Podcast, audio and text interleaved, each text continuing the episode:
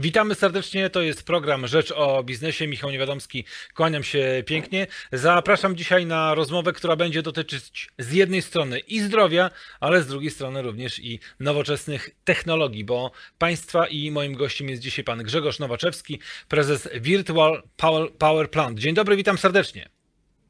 Dzień dobry. Mam pytanie, jeżeli chodzi o elektrownię, to może za, za chwilę, ale co Virtual Power Plant y, robi z COVID-19 i to jeszcze na basenie? Bo ja pamiętam, jedna z naszych ostatnich rozmów dotyczyła tego, że e, VPP y, ma taki plan dotyczący badania wody. No i okazuje się teraz, że z tego badania wody wzięło się coś więcej niż tylko samo badanie wody. Zgadza się. Nawet y, dłużej niż 3 lata temu rozpoczęliśmy y, szeroko zakrojony projekt badawczy, którego partnerem naukowym jest Państwowy Zakład Higieny. I wspólnie y, z Państwowym Zakładem Higieny stworzyliśmy technologię optymalizującą baseny, zarówno energetycznie, jak również pod względem warunków higienicznych.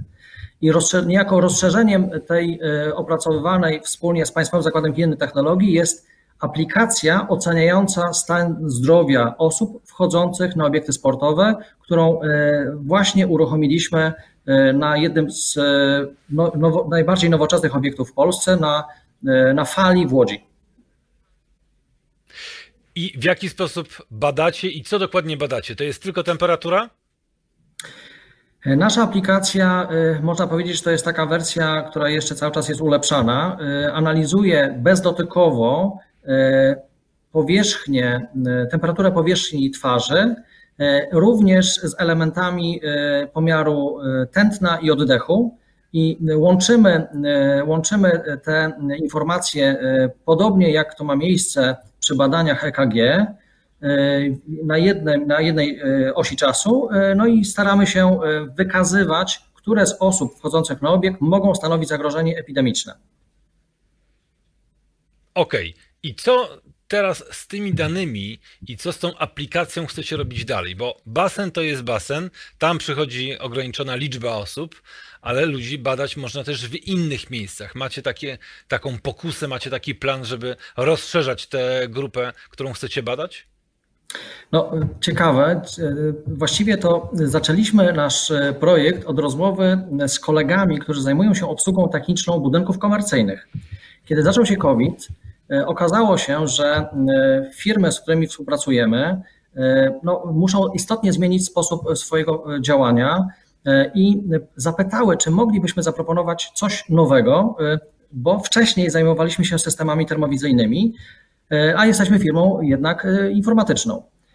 I dosyć szybko stworzyliśmy taki, można powiedzieć, prototyp aplikacji, która została przez nas uruchomiona w jednym ze szpitali.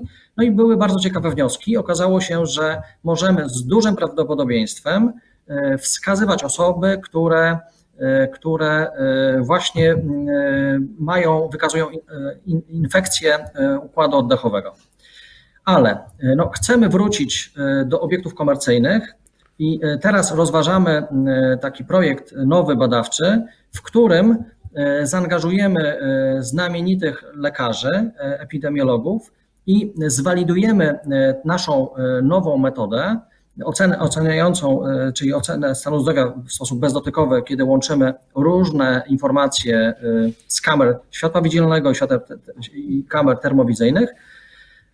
No i później ten, ten system, czy ten system, który, który jakby powstanie, system ekspercki, może być z powodzeniem zastosowany na wielu innych budynkach, czyli na, na centrach handlowych, na E, biurowcach, na obiektach użytku publicznego, ale przede wszystkim w szpitalach. No dobrze, ale ile to będzie trwało? Czy to jest w miarę takie just like that, czy to jest coś jednak bardziej długiego, e, skomplikowanego? Nie tyle w sensie e, software'u, bo, bo software jest pewnie w miarę, w miarę prosty i, i, i w miarę go szybko można multiplikować, no ale kwestia wszystkich pozwoleń i wszystkich tych kwestii, tak jak pan powiedział, walidacyjnych, czyli tych, tego zatwierdzenia, e, tego otrzymania tej, tej pieczątki, żeby, tak jak pan mówi, czy w centrum handlowym, czy w środkach komunikacji miejskiej, czy choćby nawet przy wejściu do szkół można było takie systemy zainstalować.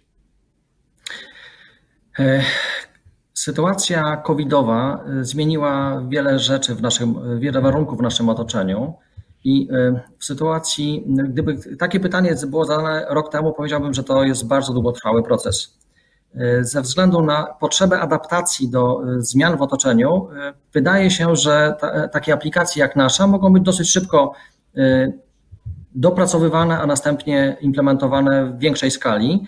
Ja tylko chcę powiedzieć, że podobne e, projekty do naszego e, właśnie odbywają się e, w Europie, czy, czy w Azji, czy też w takich krajach bardzo rozwiniętych technologicznie jak Izrael.